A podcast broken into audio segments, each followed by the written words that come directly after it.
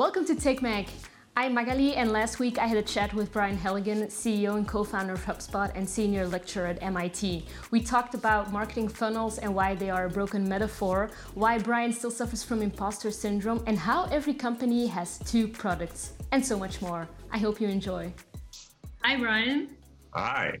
So tell me, how have how have the past few months been with the spread of coronavirus? Obviously, how did it impact HubSpot? Well, it's been interesting, that's for sure. Uh, it impacted us for sure. It impacted our employees, like every employee in the world. We most of our employees were in offices, uh, and uh, we have something like 3,500 employees. Big offices in Cambridge, Mass, and a big office in Dublin, a big office in Belgium and very quickly, we had to get them set up so they could work from home and be productive at home, and get them uh, get them out of the mix. So they we lower the viral coefficients of our communities as quickly as possible. So that was obviously a big impact for every company. And then it impacted our customers for sure. It impacted our customers uh, and our partners. Where, and the way I like to kind of describe it was, um, it is COVID is a bit of a we got a headwind from it. Like it slowed us down. It slowed our customers down. Some of our customers had to shrink. Some had to cancel. Um, and at the same time, it was a tailwind because a lot of our customers and people who hadn't purchased HubSpot before, well, if they were doing offline marketing, they certainly need to do online marketing. If they were doing outside sales, they probably need to start doing inside sales. So it's a bit of a combination. And interestingly, over time, as this is passing through our world, the headwinds and tailwinds have shifted. Like right when it happened, at least in North America and uh, in Europe in March, holy crap, it was a huge headwind. And it's like 200 mile an hour t- headwind, no tailwind. I mean, there's no new business coming in, it just stopped. I would say today it's much different where yeah, we still have a headwind. It's it's not as strong, but the tailwind is kicked in pretty nicely as well. It kind of even out. Kind of, yeah. Um, I was I was actually in the US in March in Austin. We were go- we were going to go to South by Southwest, but that got canceled, and we decided to go to Austin anyway. And then after f- four days, we decided to just fly back because you know my girlfriend she takes medication and it would cost her about seven thousand dollars per week. And we were so freaked out. It was so strange. After four yeah. days, we just flew back home. Yeah, yeah, I think you're lucky you got back home while you still could get back home. right. The travel, you're probably lucky you, you left uh, when you did. Yeah, yeah. So uh, when you talk about all these changes, customers, employees, in what way did you feel like you had to reinvent yourself? Well, we had to do a bunch of stuff for our customers that was interesting, and we ran a kind of a cool playbook where we took the so we sell CRM software and marketing software, kind of front office management, help people grow online software and well, and we have a freemium model where people can start and use it for free and grow for a while, and then when they need more advanced functionality, they can upgrade. But we took a lot of our collaboration type features, our video features and chat features, we moved it down to free, which seemed to help a lot of people out who wanted to get started and who maybe wanted to downgrade. We dropped the price a lot of our starter low end tier so people could kind of get going who didn't have big budgets. And then for our customers who were really hard hit and we're like, hey, we are stuck. We can't pay our bill. We gave big discounts, big temporary discounts. Like we we gave up to 90% discounts for 90 days to people to help them kind of through the, the worst of it. And so we ran a playbook. Um, I think that largely worked. I mean, it's kind of like the fog of war when this stuff happened and we got together and we made a bunch of decisions. We rolled out a playbook. It looks like that playbook largely works and was well suited for the time. Um, how so, did you how did you create that playbook? Because uh, I feel like it's very hard to prepare for times like these. Yeah, we you, you really can't. Um, the one thing I would say about a crisis is normally uh, um, when decisions happen inside of HubSpot and decisions I make, like it takes time to build some consensus and get people bought in and whatnot. But in a crisis, you just kind of got to go and you got to make decisions. You might be right about some, you might be wrong about some. Um, but I was unusually decisive and unusually directive during the beginning of COVID. We got a small team together, we worked through it, came up with a bunch of proposals, and the people I was working with worked round the clock during this time to come up with this playbook. And it largely worked. Um, but I find myself being much more decisive and much more kind of top down than I normally would be in the day to day life of HubSpot. And I don't think that'll last. I think we're still in a bit of a crisis mode, but I think, well, we'll see what happens with the course of this thing and course of society. But I'm hoping at some point we get back to kind of a more of a normalcy out there. Um, the you- other, sorry, the other thing I did that like with employees, so the employees were very nervous at the time. Employees were very nervous they were going to get laid off because um, right. there were lots of layoffs. There's a couple big tech companies in Boston that did layoffs, and employees wanted to hear from me. So I'm usually pretty transparent and I'm available, but like I did a weekly Ask Me Anything with employees. I'm still doing that. Uh, I was posting on the wiki much more regularly and commenting. I was on Slack much more regularly. And so I just upped my transparency and availability to employees. And it felt it just felt like that was the right thing to do to kind of calm the troops and get people focused and moving towards their own personal new normal. And so I did find myself changing during the crisis, like much more, much more decisive, a little more tops down, and then far more transparent. And that transparency extended to our partners and our customers. Like I was sending emails to all our customers, and I was doing webinars and stuff like that. So I definitely did tweak my my my methods during the, the heat of the crisis. That must be hard though, knowing that you probably had a lot had lots of stress too, um, and we're still figuring figuring out how to you know navigate through the crisis. It was it was stress. Yeah, I think some people like a crisis. I'm a weird person. Like I feel energy during a crisis. I, I like it. Like I'm a wartime kind of person. I think. Um, what do you mean? Well, during steady state, when it's running pretty well and there's little small problems going on, like I get a little distracted. Um, I have trouble really focusing and keeping things like on track or whatever. But when there's a real crisis, like I kind of wake up and I get energized and I do some of my best work, I think, during a crisis. And that's good and bad. I think it's good during a crisis, but when it's not during a crisis, like I'm probably not as effective, but I think I'm at my best during a crisis, ironically. Never wasting a good crisis. yeah, if you look across the 14 years of HubSpot, um, I think some of my better moments were during the, the worst times at HubSpot. Well, um, you, you, were talking, you mentioned earlier uh, tr- transparency being really decisive. Is that what, to you, uh, true leadership is all about? I don't know what true leadership's all about. If you figure that out, I hope you'll reach out to me and let me know. I don't really know what it's all. I don't really know. Uh, I had a feeling you were going to ask me that question. I don't know what true leadership looks like. And I look at people who work for me who are good leaders, and they're so different. How so? Um, like we have a couple different types of leaders inside of HubSpot. I've noticed some leaders are good. Some leaders are kind of more like me, like they're good at a big change. Like they'll say, "Hey, let's go, let's go that way," and they'll paint a really compelling vision of what the world's going to look like that way, and they'll rally the troops, and they'll get everyone to pivot and head that way. Um, and they make big important changes. Um, like our product organizations, like that, like they they they've embraced some major major changes over the last few years and really pivoted the way we built products in a really good way that have worked. Um, and i've been impressed at how much change they've been able to navigate. Then if i look at the go to market side of hubspot change happens there too but it's more tweak tweak tweak tweak tweak tweak tweak tweak. And i think there's different types of leaders and both seem to be doing all right inside of hubspot but they're very very different. One we had a COO, a terrific guy, who's who said uh, he had a great expression. He said, "Great leaders absorb uncertainty and pass down clarity." I thought that was a really good expression.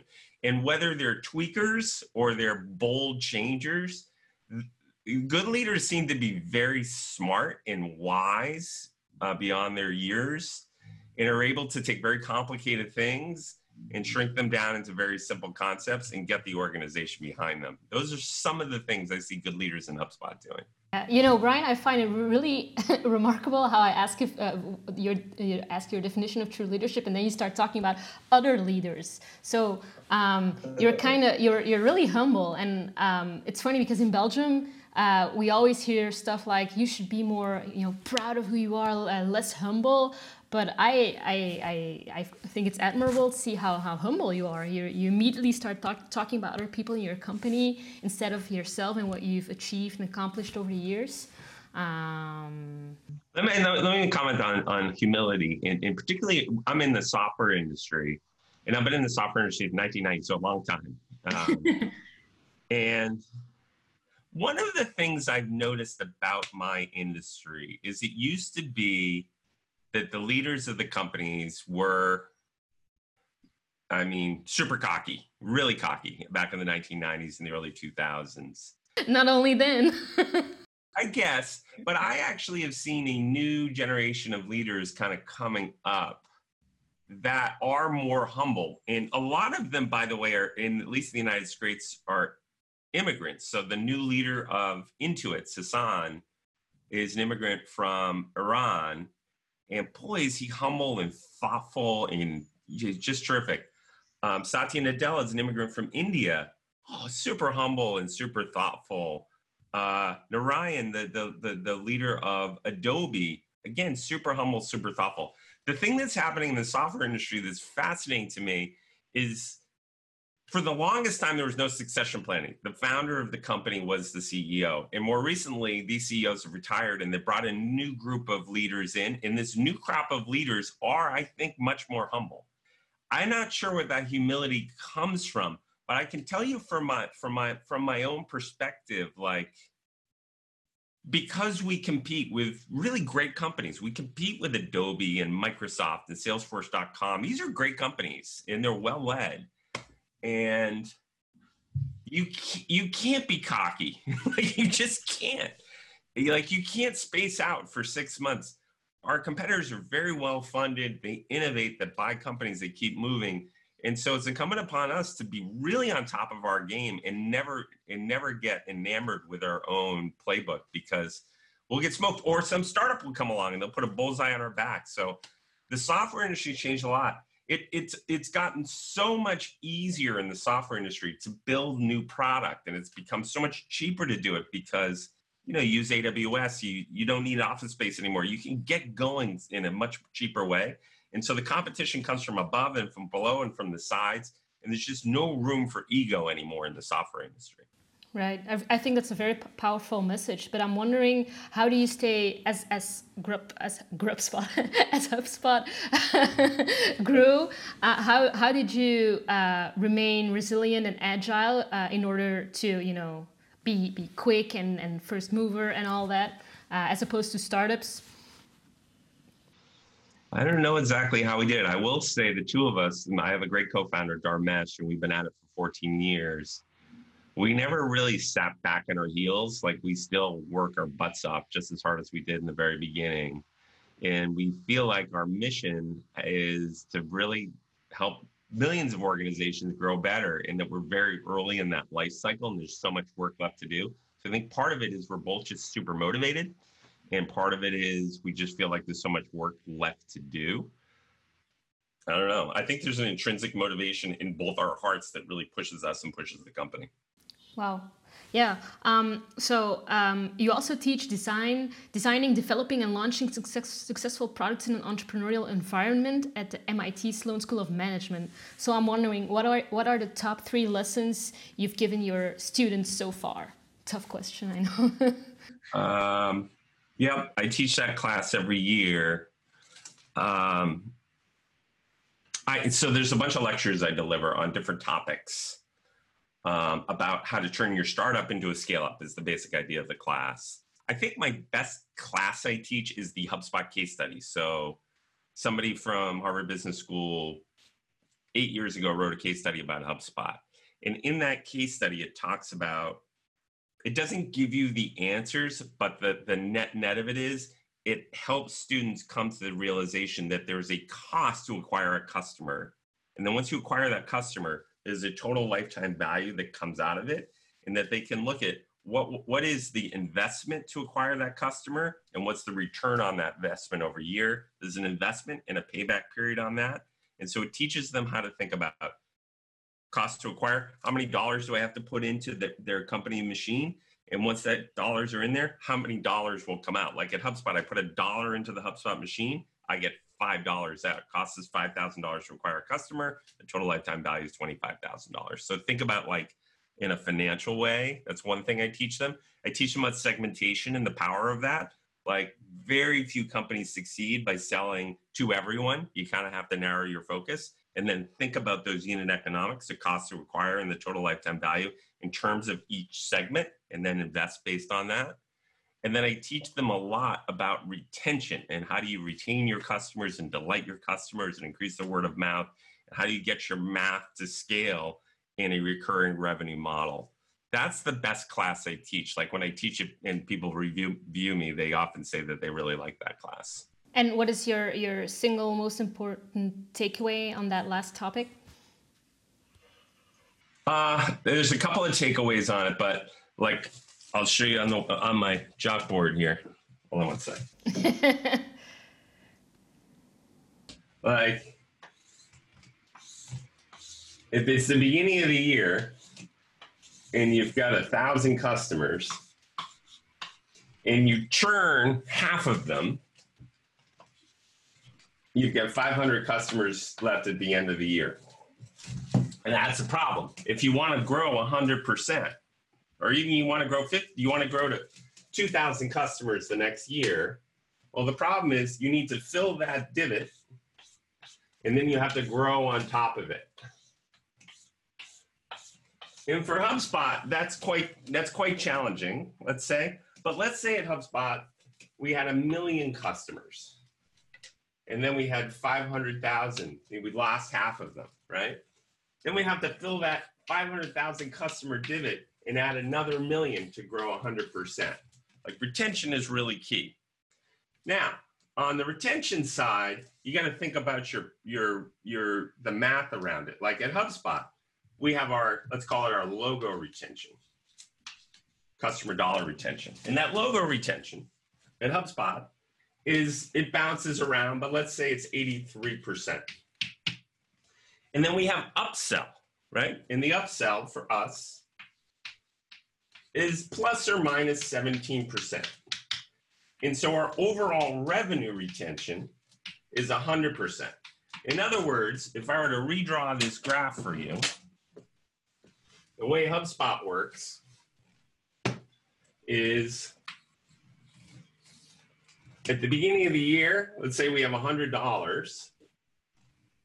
During the year, we lose $17 and we end up with $83 from those existing customers. Now, what works inside of HubSpot is we're able to sell and fill that divot with software to our existing customers. We upsell them. And then all our growth in new customers is growth on top of that. Well, I can't see the top of the chalkboard, but. Oh, you get the idea. It's basically yeah. growth, growth on top of it. Yeah. Uh, so if HubSpot last year grew, whatever grew, 32%, uh, we went down 17%. We filled that dividend 17%. And with new customers, we got an extra 32, 33%. So that's kind of how the math works. And almost every business these days has a recurring revenue basis to it. Every business really is recurring now, and that's changed over time. And it's important you get that math right, otherwise, unless you really get crushed. The other thing that's important in a business is to get the pricing model right. So when HubSpot first started, we had a we had a starter product, pro, and an enterprise product, and you could upgrade along these axes. But when we first started, our customer, our logo retention was, let's say, really low. Our logo retention was like, call it 65%. And our upsell was only like 5%. So our total revenue retention was 70%.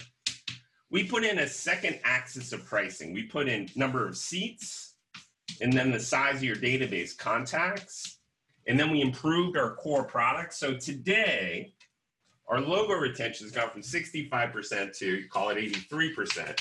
And our upsells gone from 5% to 17%. And so our, sorry, so our overall retention is 100%. And so getting your pricing model right is also really important to move from startup to scale up. Yeah, practice uh, makes perfect, right? practice certainly does make perfect.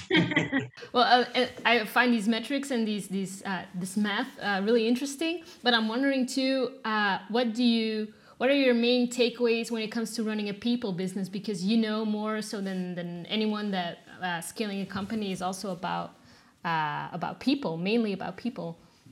Okay, I have a weird thought for you on that. Companies have two products they have the product they sell to their customers, right? Like HubSpot sells their HubSpot software. Their second product is the product they sell to their employees, right? And that's the culture. And when you, with your product you're selling to customers, companies spend a lot of time on it and they think about how do we make a unique product relative to the competition? How do we make it really valuable? And how do we really scale that? And people spend a lot of time on that. What people don't spend time on is their culture. What they really need to think about is how do I make my culture unique relative to the competitors? And how do I build it in such in such a way that it will really scale? If you build a great product for your customers, it'll be like a magnet that pulls those customers in and keeps them around a long time. If you be, build a great culture for your employees, that's like a magnet that pulls great employees in and keeps them around for a long time. So I think every business now is a people business, and it's really key to get your culture right and think about it in a similar way that you think about your product. Uh, can you elaborate on that? Like thinking about the same way about this as you do uh, about your product? Yeah, like okay, someone. So for a long time, if you're a company based in Belgium and you're hiring people, you're mostly hiring people to work in your office in Belgium right? And so you're hiring mostly Belgians or people who have immigrated into Belgium from the rest of Europe or wherever. And and your pool of talent was re- was a relatively local pool of talent. And if you had a really smart engineer you're trying to hire in Belgium, you had a limited set of competitors for that employee's talent, right? So you're competing with five other Belgian tech companies in that same city, let's say.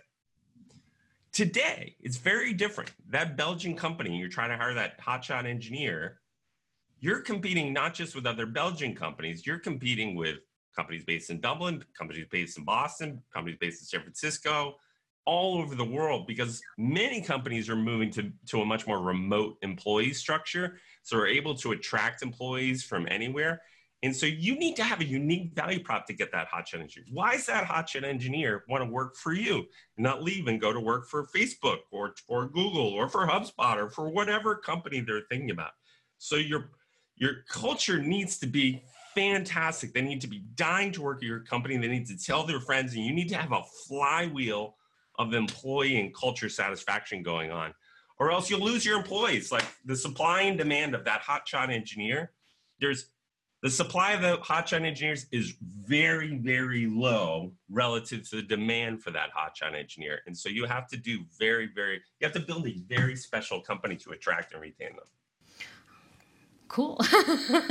I'm actually blown away. Um, uh, you also tweeted something about you noticing that employees are changing fast and that you're wondering if companies will take uh, a long time to catch up too. Could you elaborate and tell me how HubSpot is catching up?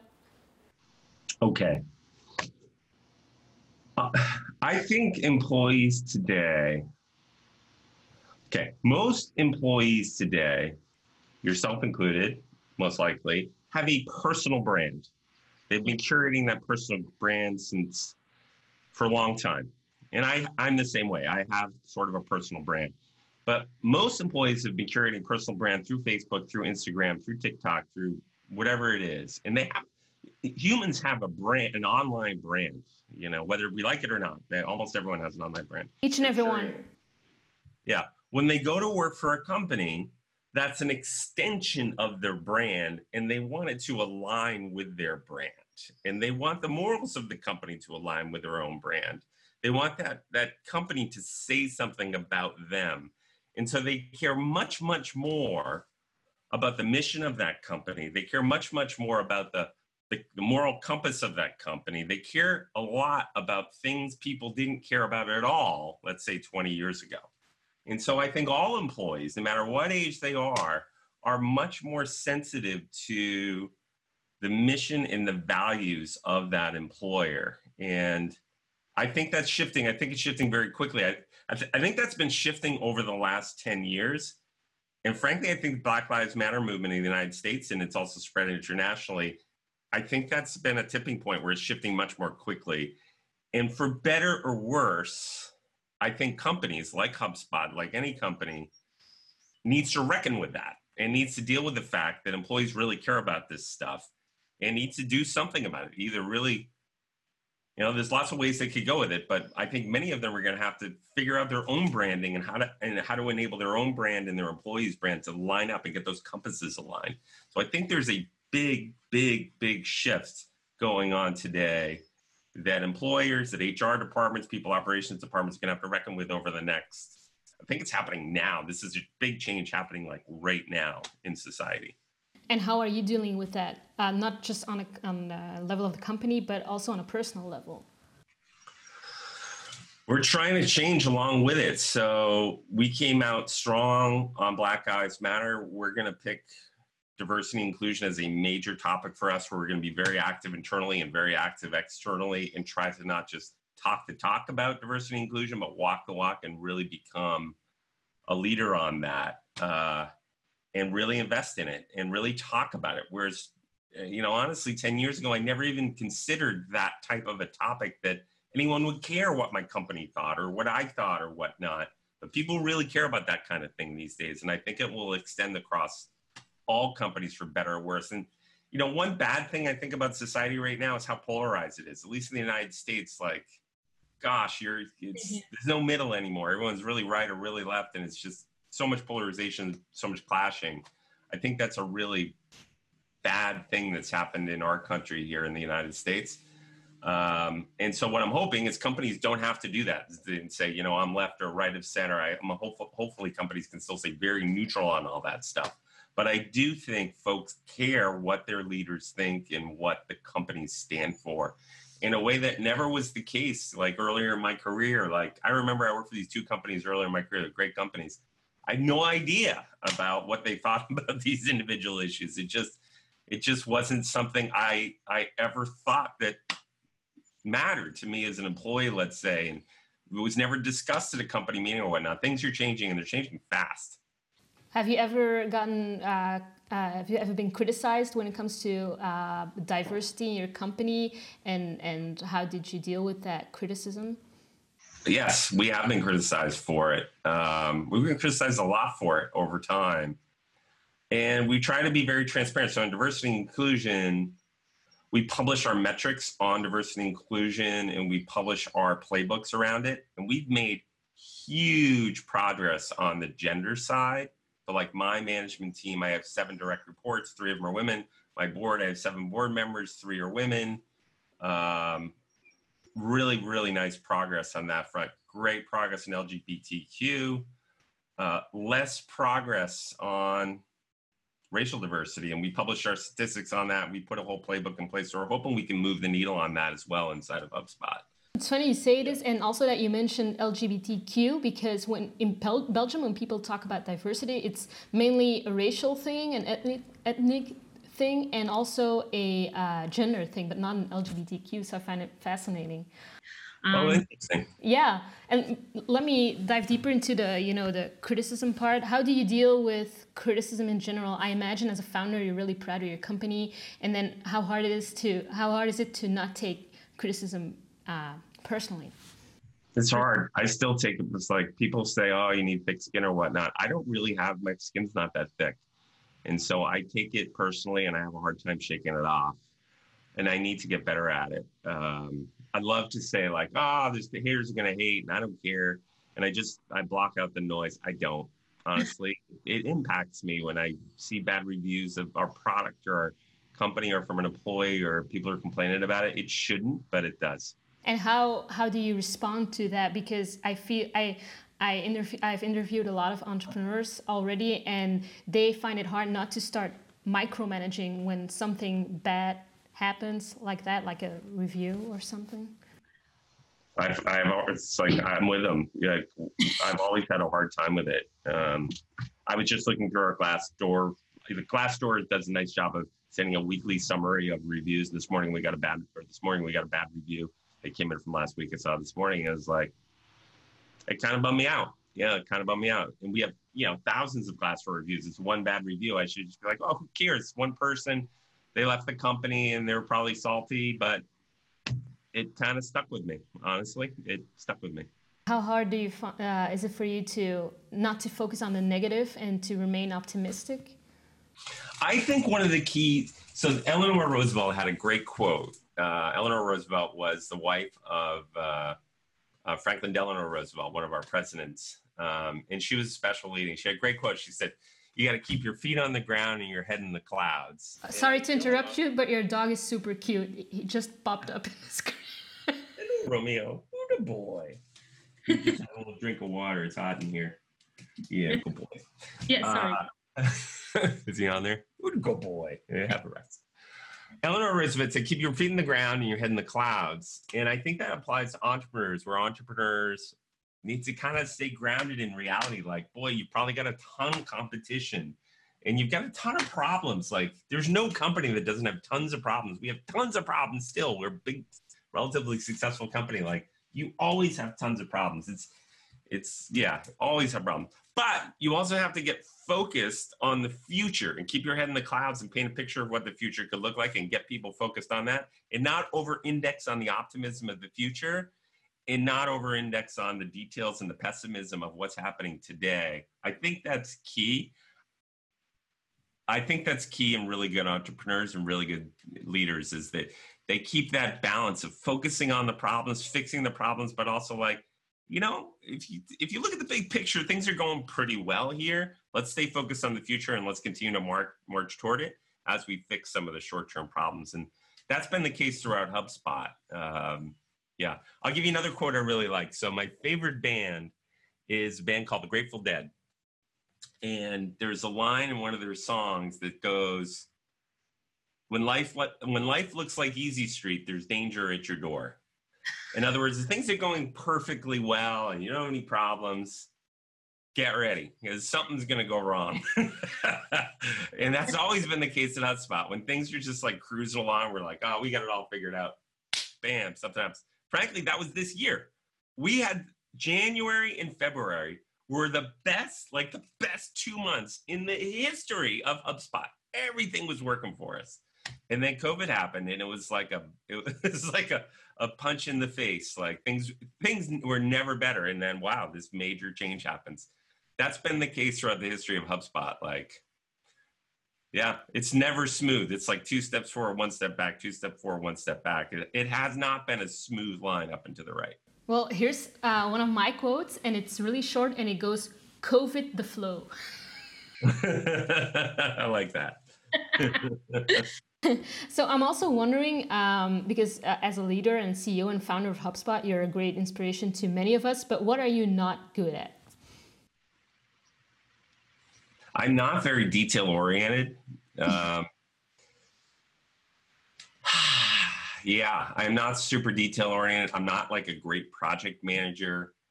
Um, and stuff falls through the cracks. I don't pay attention to details well that that's a good quality in a leader someone who really pays attention to the details and makes sure stuff gets done. And maybe they don't do all the details but they make sure people who work for them take care of all the details. I'm not a great like people think i might be a good leader. I'm not a great manager. I'm not great at one-on-one meetings you know, let's have a one-on-one and talk about your performance and how you can do better and all that. Like I'm, I'm still working on getting better at a one-on-one meeting. How are you? How can you not be not good at that? Well, I'm a little awkward, and um, I don't know. I get a little anxious before like a one-on-one meeting. I feel like it's a review, and people are anxious about it, and I'm a little anxious going in and I'm not super well prepared. And I just get a little anxious about those one on one meetings. And I think a lot of introverts do. And people, and now that's, I don't know what happened over the last 10 years, but having a one on one with your employee once a week or once every other week or once a month to give feedback and get feedback, that's become like the way you manage people. I'm not very good at that. I'm not very good at giving feedback. Um, and I need to get better at it. It's on my to do list. Why do you think that is? I don't like like let's say you work for me. I don't like giving you feedback like, oh, you really messed this project up, or people think this about you, or you know, I I'm I, my I'm, my back's not as strong as people might think, and I I'm awkward, and sometimes I feel like wow she's really great, and I'm giving this feedback. Who am I to give her feedback? Like I still have that sort of humility, humility, or what do they, what do they call um, imposter syndrome? I still have that uh, after all these years, and so I'm not very good at that sort of management.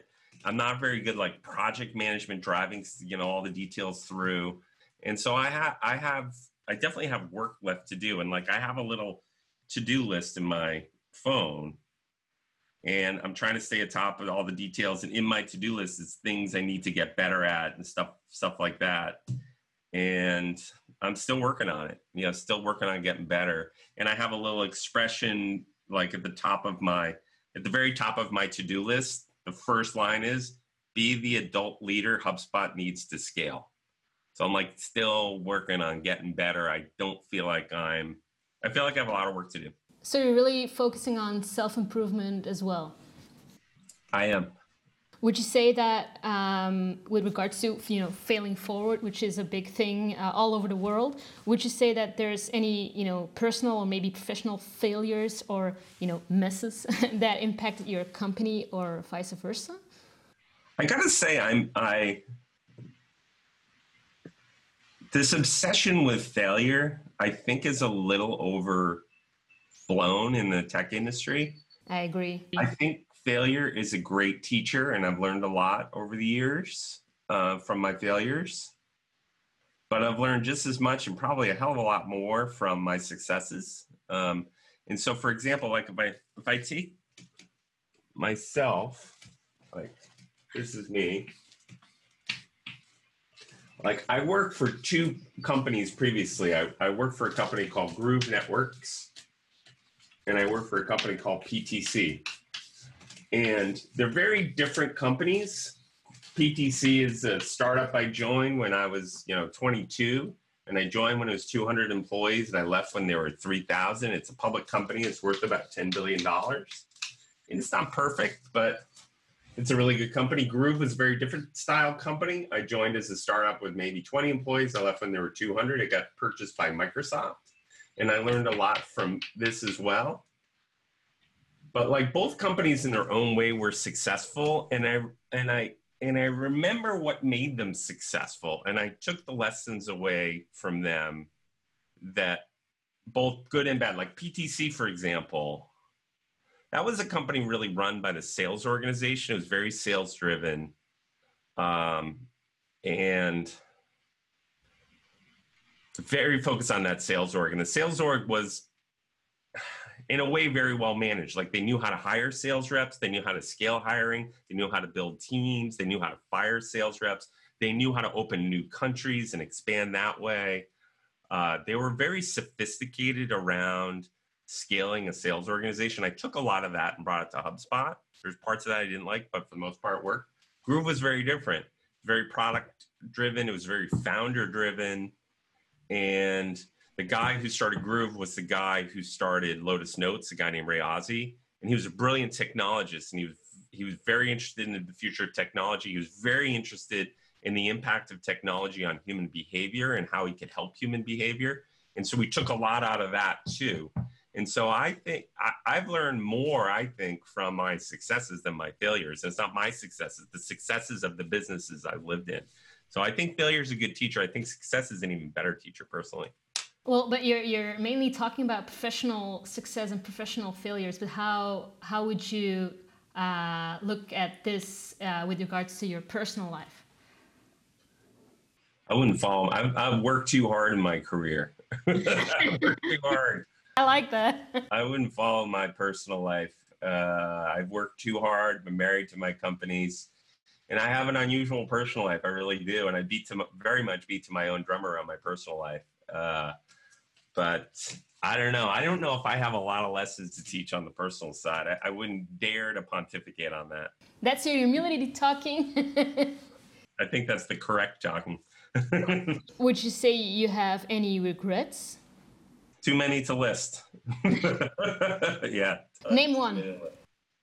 I would say, um, just back on the diversity inclusion thing, like one of the things we did definitely did wrong at HubSpot is, well, when we first started, we hired a bunch of our friends from MIT, and our friends all looked like me, right? They were white males, um, similar age.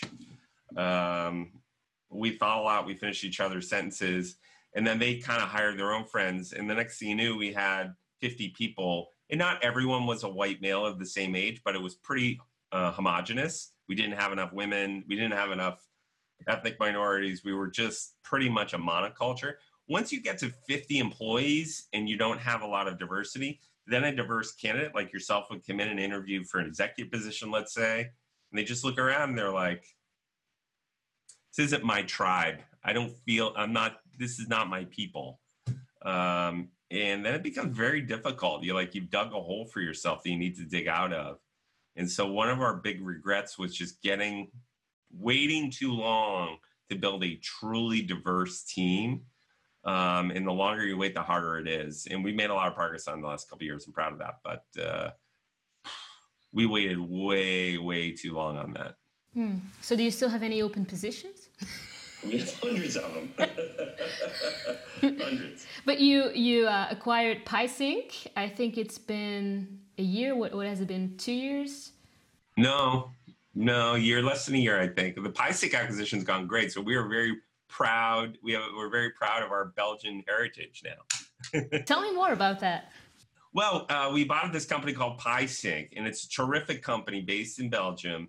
And what they build tech. So one of the things about HubSpot that's interesting is we're builders. We like to build technology, and we're kind of like Apple. And with Apple, we're focused on des- people think of Apple's focus on design and that user experience. But the reason they're designing the user experience is so good is underneath they've got a platform that's really strong and reusable assets that come through that user experience. HubSpot's kind of like Apple, where underneath we have a marketing product, sales product, a service product, a website product. But underneath all that, there's these palette of colors. And that palette of colors is email and social and contact management and all these things.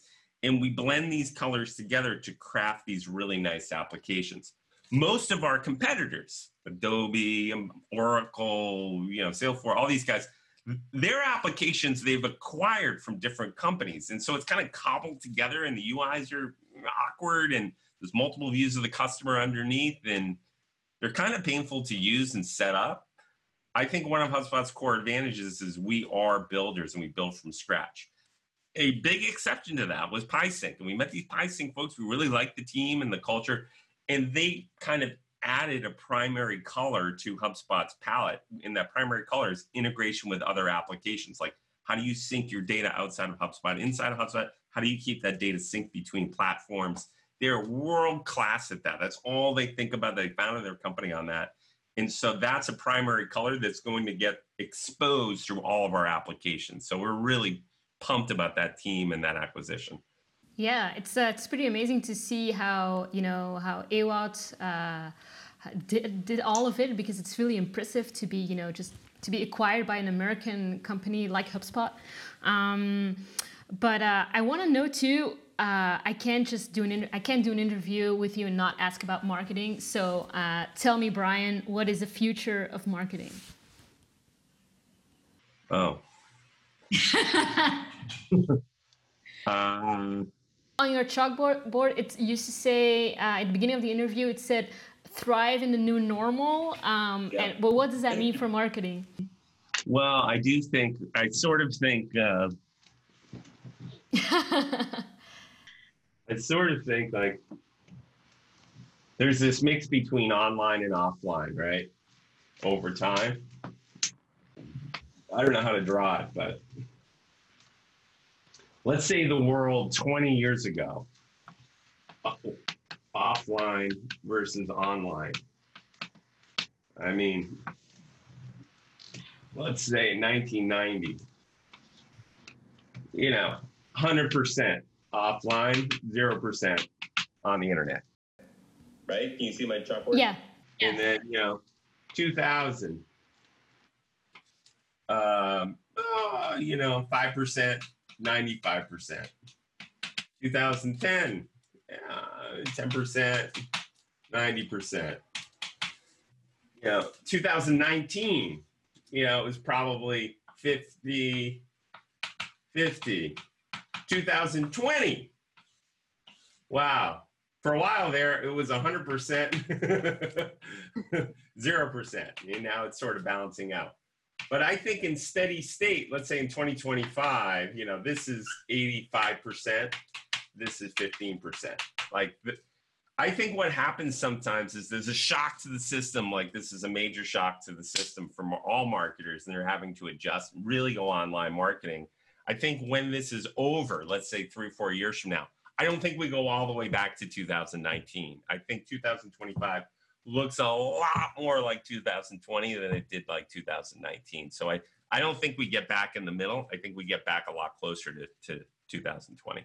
What I also find interesting is the fact that marketers are talking about the shift from customer uh, or buyer journey to life journey rather than just looking at marketing funnel stages companies need to map their customers frictions and desires in life what do you think about this whether it's you know online or offline well i don't like the funnel i think the funnel is a broken metaphor um, I think the, I've been using funnels since 1990, and the funnel is broken in, in a bunch of ways. But the like the number one way I think the funnel is broken is the funnel. Like you picture of the funnel, marketing gets credit, sales gets credit, and then customers kind of pop out the bottom.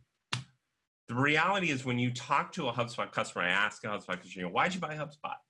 Yeah, our marketing's good, and it's like the freemium product and the marketing content's really good. And some other, why'd you buy HubSpot? Well, the salesperson was really helpful and useful and helped me, you know, map the solution into my problems I had. But the vast majority of people who buy HubSpot buy HubSpot because they per, they used HubSpot before, or their friend used HubSpot and told them about it. Word of mouth has become the main channel for us and for pretty much everyone. Um, and that word of mouth is propelled, of course, by social media, by sites like G2 and whatnot. But word of mouth is just the main driver of a business. And the funnel doesn't capture it, doesn't give any credit to your best channel. So I like this idea of, a, can you see this down here? Of a yeah. flywheel. Oh, that's a bad drawing.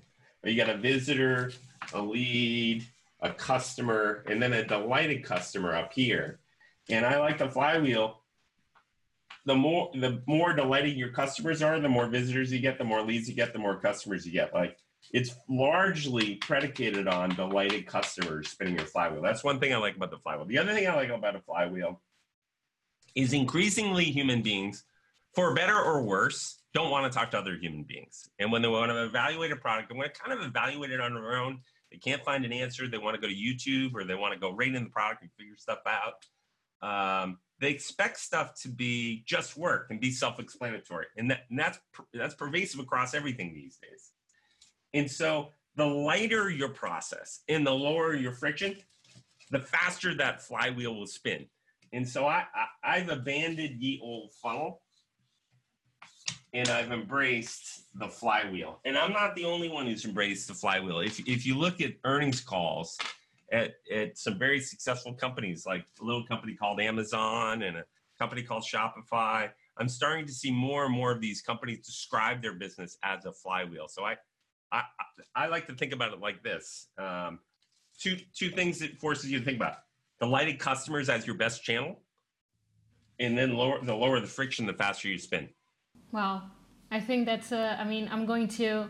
Uh, if you have that drawing somewhere, you know, on your computer, you can always send it to me. Um, you can Google it. I've, I've, talked about it before. You can Google it. Okay, cool. Um, so, Brian, I want to thank you. Thank you so much for taking the time to do this. Take it easy. Have a great week. So that was it, guys. Thank you so much for watching. If you liked it and learned as much as I did, please subscribe and don't miss any of the following episodes because next up is Joseph Jeffy. See you next week.